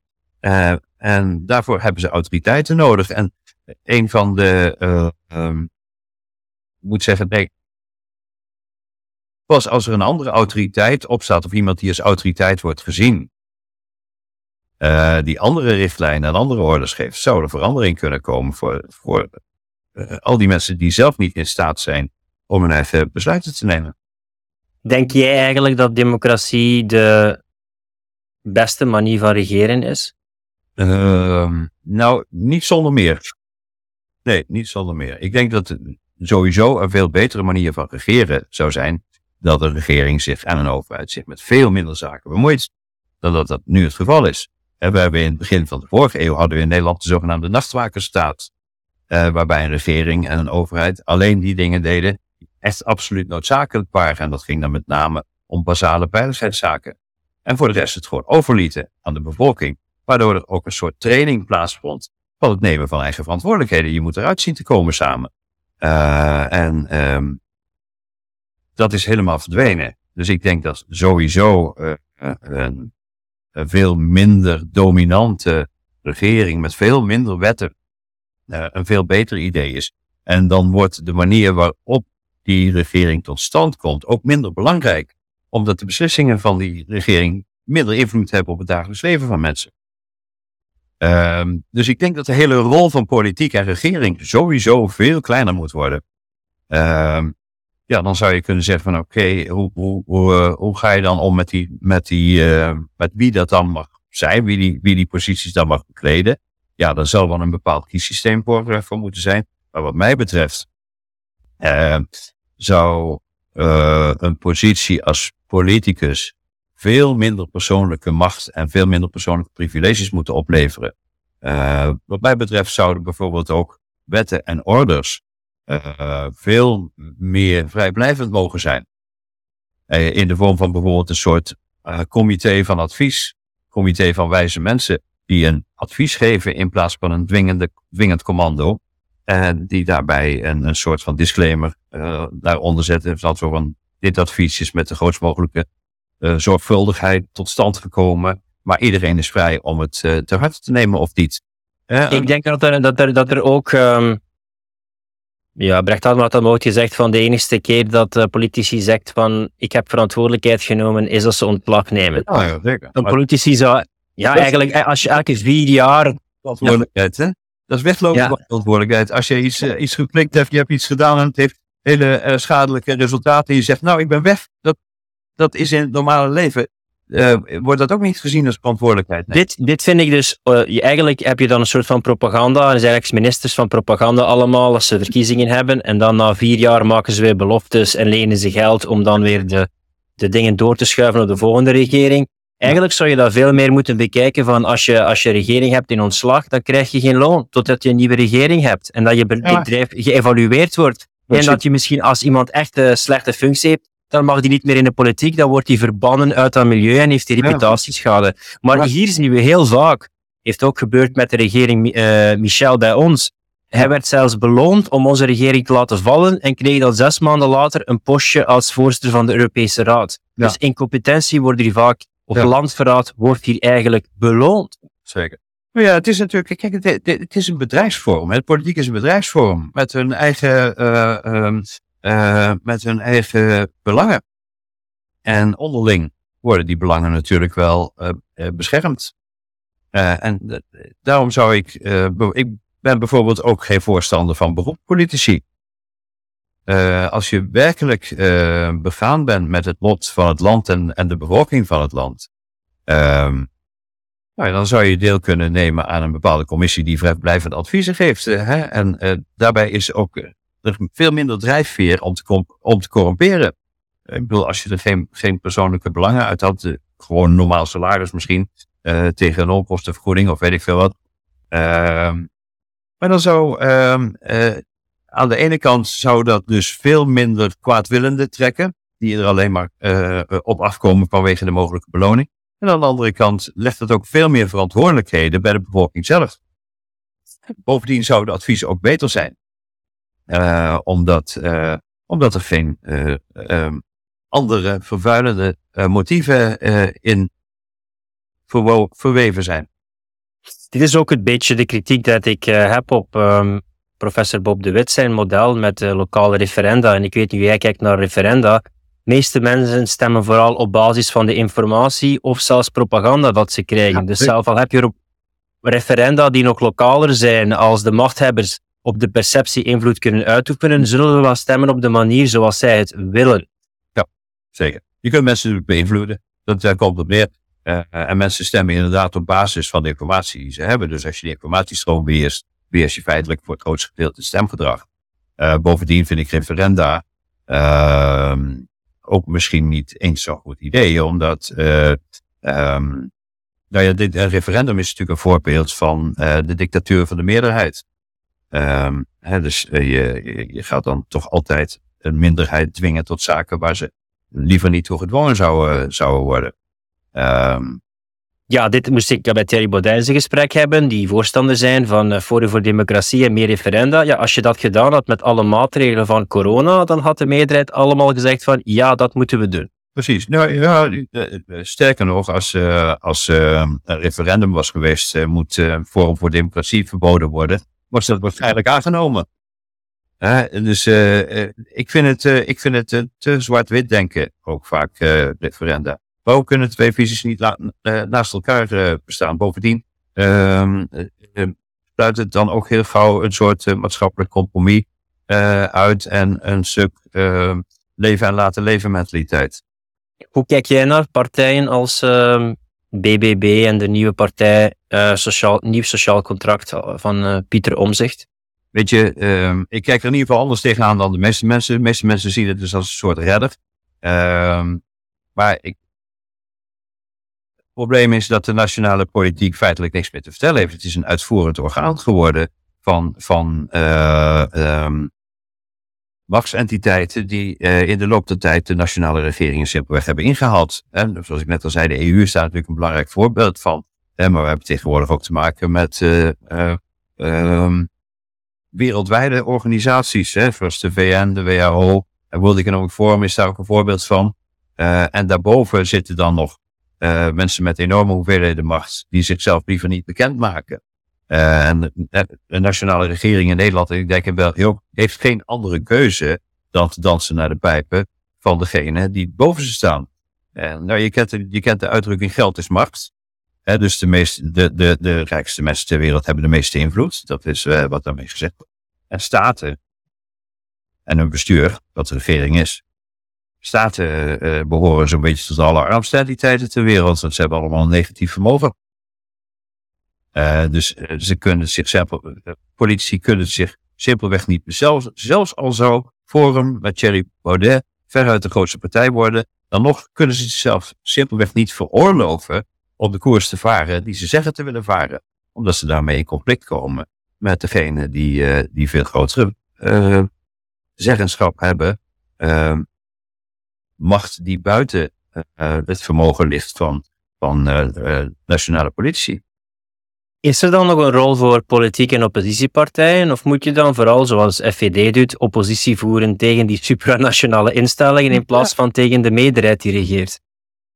Nou, kijk, ik, wat, ik heb het daar met Jerry Baudet wel eens over gehad. En die zegt zelf ook van, ja, ik verwacht niet dat het vanuit de politiek veranderbaar is. Uh, dit moet echt een volksbeweging worden. Dit moet een, een, eh, een breed gedragen volksbeweging worden.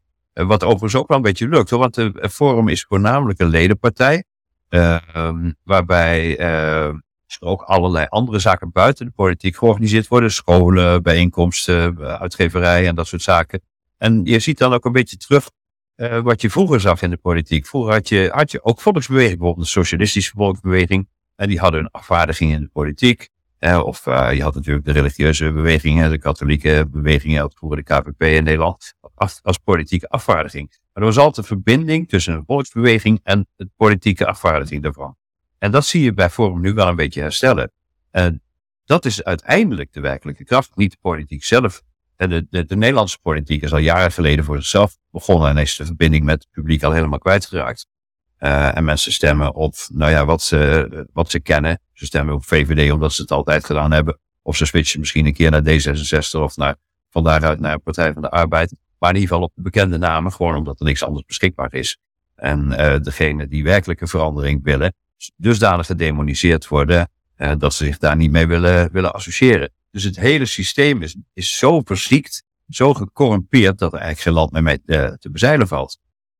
Dus politiek is dan eigenlijk een soort van manier om bewustzijn te creëren voor een beweging die dan, want ja, je mag je mag niet opruiing veroorzaken, zoals um, Gideon zogezegd doet, van te praten over een revolutie. Maar ja, je hebt verschillende soorten revoluties. Het moet niet per se gewelddadig zijn, dat is één van de mogelijkheden. Maar zie je dan een soort van beweging ontstaan die een revolutie zal creëren? Of een evolutie? Nee, voorlopig niet. Dat denk ik niet. Nee, hè, zoals ik net al zei, ik, ik, ik, ik, ik heb mijn mensbeeld moeten bijstellen. Ik heb altijd gedacht van als het te erg wordt, uh, dan komen mensen wel in verzet. Je ziet precies het tegenovergestelde gebeuren. Je ziet natuurlijk wel een kleine groep die in verzet komt, maar die wordt zo geïsoleerd uh, in de media, dat is één kant, uh, maar ook ja, verdemoniseerd in de perceptie van mensen die een wereldbeeld bepalen op basis van wat de media ze vertellen. Dat, uh, ja, dat, dat, dat er een soort scheiding, een soort isolatie tussen de twee groepen uh, aan het ontstaan is. Of ontstaan is. er is simpelweg geen, geen, geen kruisbestuiving meer, zeg maar. Hoe was dat voor jou om je mensbeeld bij te stellen? Want dat is niet een leuk mensbeeld om bij te stellen. Um, ja. Um, nee.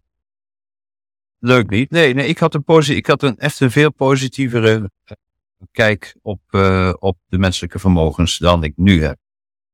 Ik ben een beetje misantroop geworden.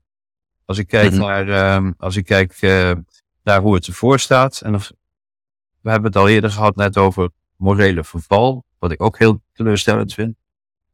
Dat ook op de een of andere manier niet gewekt wordt, weer, die, uh, dat morele besef. Dan denk ik dat het er behoorlijk beroerd voor staat. Als, als dit het is waar we het mee moeten doen, waar we ons tegen, waar we ons in bescherming moeten nemen tegen een zich heel snel ontwikkelend, ontwikkelend totalitair, dictatoriaal slavernijmodel, uh, ja, dan denk ik dat we niet gaan redden, Filip. Op de korte termijn zeker niet. Dat, dit, dat, dat degene die dit uh, strategisch uitrollen en dit plan stapsgewijs uitvoeren, dat die het, uh, dat die, dat, dat die in ieder geval op korte termijn daar succesvol in zullen zijn. Ja, want als je gelooft in een groter plan, en ja, mensen die mij luisteren weten ook wat mijn perceptie en, en perspectief daarover is, dat is wel geniaal in elkaar gezet. Want we zijn eigenlijk gegaan van een verlichtingsideaal van controle verkrijgen over de natuur, maar de laatste ja, 100 en zeker de laatste 20, 10, laat staan 5 jaar, meer en meer controle over de menselijke natuur. Eerst via perceptie en nu misschien via biologie en via technologie. Dus de middelen om gecentraliseerd dingen aan te sturen, gedrag en perceptie aan te sturen, is nog nooit zo groot geweest. En je kan van de machthebbers veel dingen verwijten, zelf van Rutte. Maar die man is wel een fantastisch communicator. Ja, zeker. Zeker.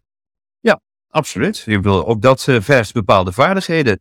En uh, uh, dat zijn voornamelijk die vaardigheden die bij de rest van de bevolking ontbreken. Een, een ervan is geduld, bijvoorbeeld. Uh, hè, dit is een plan dat als je terug gaat kijken en je ziet hoe het geconstrueerd is, dan kun je al vele decennia teruggaan. Uh, om daar te zien uh, dat er toen al met dit doel een aanloop is genomen op, op de grote verandering die ze daarmee wilden bewerkstelligen. Hè. Je kent de Club van Rome. En de, de, de, de, tekst die daarin een belangrijke rol speelt. Hè. in onze zoektocht naar een gemeenschappelijke vijand uh, kwamen we met het idee om de mensen een eigen vijand te maken als veroorzaker van milieuproblemen, klimaatproblemen. En om daarmee bereid te maken tot offerbrengen, zeg maar. En dat is precies wat nu gebeurt. Hè? 72 is 50 jaar geleden. Hè? Dus dat geduld hebben ze kennelijk. Ze hebben het geduld om een plan heel goed te doordenken en ook stapsgewijs uit te voeren. En als ik zie wat er nu in de verzetsbeweging gebeurt, ik, wil, ik kom vaak, heel vaak mensen tegen en zeggen, ja, ik ben al, al naar drie demonstraties geweest en ik post al twee jaar op, op, uh, op Facebook. En er is nog niks veranderd, weet je wel? Uh, mm-hmm. Dus daar, is, daar zit een belangrijk uh, verschil. Maar kijk, dit is ook een, een, groep mensen die gewend is om strategisch te denken. Ehm, wat natuurlijk ook logisch is, want als ze dat niet konden, hadden ze die posities niet verworven. Dus dit is wat automatisch bovendrijft. Het zijn mensen die A, strategisch denken en B, uh, daarbij zich niet laten hinderen door allerlei morele remmingen. Want het is in principe een misdaad. De wereld in slavernij, je kan het eigenlijk anders zeggen. Slavernij is eigenlijk de enige werkelijke misdaad die er bestaat. Uh, je kent uh, de, de basisbeginselen, uh, niet doden, niet stelen. en eigenlijk zijn alle machtsbolwerken gebaseerd op doden en stelen. Het is altijd parasitair van aard en tegenstanders worden uit de weg geruimd. Uh, het zij door oorlogen, het zij door vervolgingen. Uh, het is een rode draad in onze geschiedenis. Um, dus degene die en strategisch kunnen denken en zich niet laten remmen door, door morele grenzen, die drijven vanzelf naar boven. En die vormen daarmee de klasse die dit, die dit voor elkaar kan krijgen. Wel, denk je dat je automatisch hier inrolt en enkel de functie kan vervullen als je dingen op het ethische altaar opoffert in een Faustiaanse deal en dat je zo meer en meer je ziel uitholt?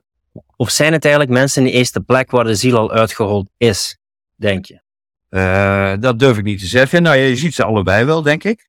Uh, kijk, de, die laatste categorie, dat zijn eigenlijk de psychopaten. Hè? De zielozen, de gewetenlozen en zielozen. je, je hebt mensen die hun hele leven zo zijn. En voor, voor die mensen zijn deze posities aantrekkelijk. En bovendien ook gemakkelijker uh, uh, te bereiken. Uh, nogmaals, omdat ze geen morele remmingen hebben. Voor jou, voor mij zou het al snel te ver gaan. Ehm, maar ehm, aan de andere kant zie je ook dit proces wel van wat, je, wat, wat de Bijbel noemt. Je, je, je ziel aan de duivel verkopen. Dus je eigen morele, je eigen morele waarde inruilen voor het verkrijgen van een voordeel of het, of het uh, vermijden van een nadeel. Uh, en dat is wat ik in de politiek ook wel uh, zie. En overal trouwens wel hoor, niet alleen in de politiek. Je ziet het overal. als het spannend wordt, dan zijn mensen eerder geneigd om een morele overweging aan de kant te schuiven. En meer in praktische termen gaan denken. En is het dan dat die mensen zoveel opgeofferd hebben dat ze zichzelf niet in de spiegel kunnen kijken? Of dat ze eigenlijk gewoon enkel het zwart van hun ogen zien en het wit niet meer onder hun ogen durven bekijken? Want hebben die mensen dan soms niet een confrontatie met zichzelf van wat heb ik eigenlijk gedaan? En dan duwen ze het weg, want je wordt toch soms wel geconfronteerd met de effecten van je beleid. Net zoals die weggeplaatste kinderen bij Rutte, om nu één voorbeeld te nemen. Ja. Kunnen zij, hebben zij zoveel cognitieve dissonantie dat ze dat volledig weg kunnen plaatsen? Of? Je moet er een bepaald talent voor hebben. En degenen die dat niet hebben, die vallen gaandeweg af. En we hebben in Nederland de staatssecretaris gehad, Mona Keizer. Die vond aan het begin van de corona-situatie vond de maatregelen disproportioneel en ook vrijheidsberovend, vrijheidsbeperkend. Uh, ze kwam dus in een soort gewetensnood terecht met haar eigen morele basis. en um, ze sprak zich daarover uit. En verdween dus uit de politiek. Ze werd ontslagen. Niet omdat ze ongelijk had, maar omdat de, haar collega's wisten dat ze gelijk had. En het zichzelf niet konden permitteren om, om zich uit te spreken. En in ieder geval niet durfde. En daardoor haar dus maar verwijderde. Maar op een gegeven moment ontstaat er een politiek bedrijf waarin het hebben van een gezond uh, functionerend geweten simpelweg zodanig nadeel is dat, dat er een zuivering ontstaat. Degenen die dat hebben, die zijn verdwenen. Je ziet dat in, in de politiek terug, je ziet het ook in andere sectoren wel terug. In Nederland is bijvoorbeeld een heel belangrijk of een heel schrijnend voorbeeld is jeugdzorg. Ik weet niet of je daar iets van gehoord hebt. Uh, dat is volledig gecorrumpeerd. Uh, zou ervoor moeten zijn om uh, kwetsbare jongeren te, jongeren te beschermen. Maar een aantal jaren geleden, uh, inmiddels een paar decennia geleden volgens mij, ehm, hebben die een eigen financiële verantwoordelijkheid gekregen. Dus het is een soort eh, winstmodel is daar gecreëerd. Ehm, waardoor het totaal gecorrumpeerd is. Ik heb veel, vanuit mijn coachingpraktijk, heel veel mensen begeleid die in die, in die sector werkzaam waren. En die zeiden van, ja luister, ik ben daar ooit begonnen uit een soort van roeping. Hè, uh, ik, omdat ik het belangrijk vind dat het goed gaat met, met jongeren, met kinderen. maar de situatie is zo erg dat ik me dat niet meer, ik kan het niet meer over mijn hart verkrijgen om er te blijven werken. En die vertrekken dan. En wat er overblijft zijn het degenen die het niks interesseert. En zo is het in de politiek eigenlijk ook. En het wordt ook niet echt bestraft. En dat is het probleem. De mensen met de ziel en met een hart gaan er meer uit. De, de mensen zonder ziel die kunnen blijven functioneren in een systeem dat ontmenselijkt of meer machinaal wordt. Ja. En om een duur zie je dat de nadelen en de bestraffing van een hart hebben veel groter zijn dan opportunistisch zijn en je nergens aan te trekken. En het wordt een soort van zelfvoorzienend, versnellend systeem. Ja. Dat dan iedereen maar in een bepaalde richting laat gaan. Want de ene mens die denkt van, ja oké, okay, opportunist en dan kan ik wat winst uh, hebben. En de andere mens denkt van, ja, het maakt toch niks uit, dus dan kan ik maar beter meegaan dan het mezelf moeilijk te maken. Het haalt toch niks uit. Precies, het, het is ook een opportunisme, weg van de minste weerstand. Uh, hè?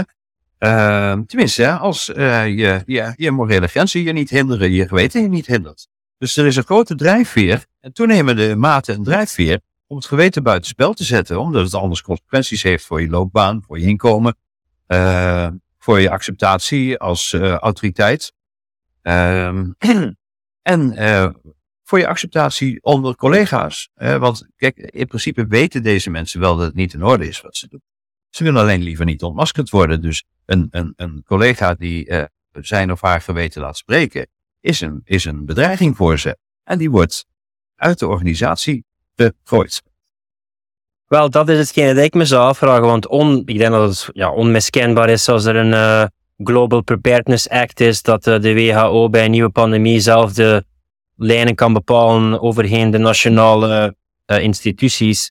Veel mensen zeggen nu van nee, nee, ik ga geen masker dragen, want we weten dat het niet merkt en ik doe het mee aan de maskerade. Zoals ik zeg, het is heel makkelijk om je voorkeuren te zeggen in een tijd dat het niet nodig is. Maar als het er echt toe doet, zijn er maar enkelen dat ervoor staan. Nu, je hebt een geweten en je hebt het misschien geweten. Ja. Wel, nu heb je de kans dat je heel veel kan geweten hebben dat het nergens op sloeg. Dus ja. ga je terug meegaan met dat circus, die maskerade, waarbij je eigenlijk je doemt om altijd hetzelfde te herhalen? Of ga je deze keer wel een ruggengraat hebben en zeggen van, ja. ja, we gaan niet opnieuw hetzelfde doen dat de vorige keer niets uithaalde en uh, nergens op sloeg? En dat is een groot vraagteken. Ik denk dat dat behoorlijk tele teleurstellend uh, zal zijn, uh, Philippe. Ik, ik, ik, ben, ik ben niet zo van de demonstraties. Ik vind demonstratie eigenlijk geen goed instrument. Omdat je daarmee eigenlijk zegt van, ja, weet je, bazen, we zijn afhankelijk van jullie. En van jullie beslissingen. Jullie nemen de verkeerde beslissingen. Jullie, wij willen dat jullie andere beslissingen nemen. dus ik vind het sowieso geen goed signaal. Maar goed, ik ben een paar keer geweest omdat ik uitgenodigd was om daar iets te zeggen. En in coronatijd was dat. En Nou, dan komt iedereen daar en die hebben met zijn spandoekje en zo. En om vier uur zegt de burgemeester, het moet afgelopen zijn. Dan gaan ze keurig naar huis, pakken ze de trein en zetten ze een mondkapje op. Dat is ongeveer het niveau, hè? Ja, maar anders, en ook bij, bij vrienden en kennissen ook hoor. Dan, ik, ik heb nooit in, in de supermarkt een, uh, een mondmasker gedragen. Uh, en dan hadden we het daar wel eens over. En dan je, ja, maar weet je, ik, ik, ik, ik begrijp dat het nutteloos is. En ik vind het ook idioot. Maar ik zet me op, want ik wil niet worden aangekeken. Door mij, door andere mensen. Ik wil niet op worden aangekeken. Kijk, als dat ongeveer het niveau is van de moed die mensen hebben om in verweer te komen tegen een totalitair, slavernijmodel, ja, dan kun je het eigenlijk gevoeglijk vergeten dat dat, dat, dat, eh, succesvol zal zijn. En dit is, dit is waar mensen bereid zijn om risico of, of zelfs, uh, uh, hoe moet het zeggen, een bepaalde moeilijkheden te aanvaarden in ruil voor, voor, ja, voor, voor het zorgdragen voor je eigen vrijheden en je eigen welzijn en welvaart en je levensstandaard en dat van je kinderen. Als dit is wat mensen ervoor over hebben, dan, ja, dan, dan gaan we niet ver komen. als ik dit weer zou doen en de eerste keer kan je het soms doen omdat je beseft dat andere mensen het nog niet doorhebben, maar nu is het zo duidelijk ja. eigenlijk dat het nergens op sloeg. Als ik het zou aantrekken en doen, het is alsof ik mezelf met drek besmeur. Ja. Het is denk zo en het is zo vuil. Het, mijn karakter begint gewoon te stinken gewoon als ik dat doe. Ja, dit, dit gaat over waardigheid, vind ik. En uh, we hadden het net over ethiek en dat dat gebaseerd is op uh, de waarde van het menselijk leven. Uh, het gaat over waardigheid. Een, een, slaaf kan niet in waardigheid leven. uiteindelijk is dat volgens mij het, het, het, het kernbegrip. En degene die weigeren hun waardigheid in te leveren, zoals jij net een voorbeeld gaf, en ik ook, want ik ga niet met een mondmasker lopen. Ik ga ook niet mijn mouw oprollen en me laten prikken, zoals kennissen van mij wel hebben gedaan.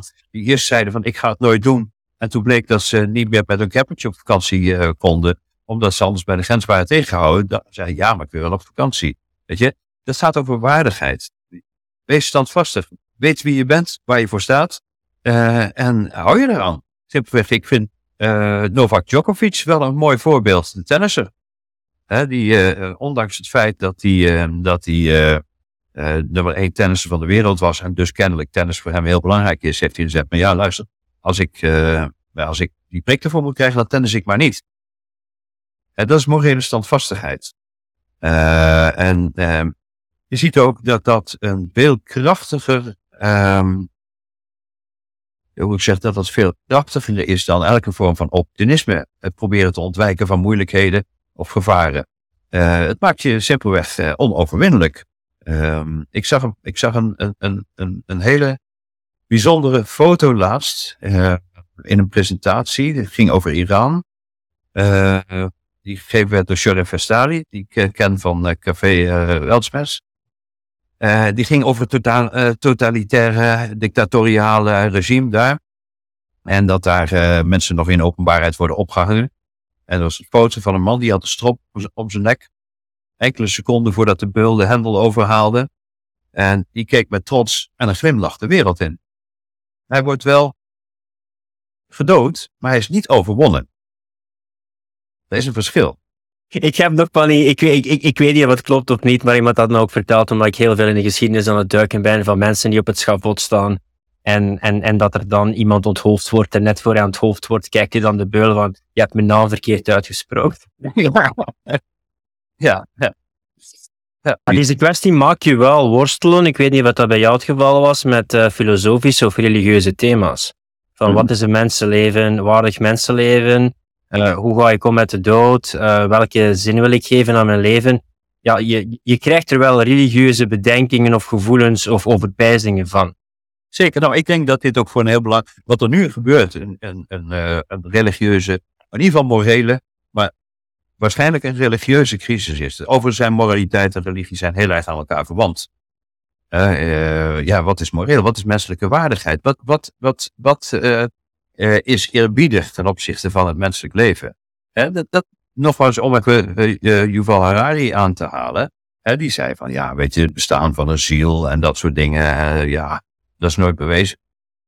Dus dat is maar een onzinverhaal. nee, je kunt het niet bewijzen. Dit is iets wat je moet geloven. Eh, dat het mensenleven het waard is om waardig geleefd te worden. Eh, dat is iets wat je moet geloven. Die verder niet bewijzen. Waarom zou je? Ik, bedoel, ik zag laatst nog een gesprek tussen, tussen Thierry Baudet en, en Karel van Wolferen. Mm Karel die zei op een gegeven moment, ja, dit is een enorme misdaad hier nu, want het gaat miljarden mensenlevens. over een paar jaar zijn er een paar miljard mensen minder dan nu als gevolg hiervan. Waarop Thierry zei van, ja, dat is toch niet zo erg, we kunnen toch best wat minder doen. En hij heeft gelijk. We kunnen, wij kunnen hier op aarde prima functioneren met de helft van het aantal mensen. Als je het morele aspect niet meeneemt. Als je zegt van ja, het maakt mij eigenlijk niet uit als we 4 of 4,5 miljard mensen de pijp uitgaan.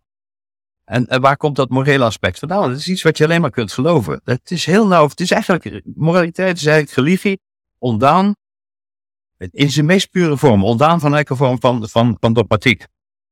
Uh, maar ik weet wel dat zonder moreel kompas en zonder een morele min of meer consensus, gebaseerd op, uh, op het meest elementaire uh, van wat het leven te bieden heeft,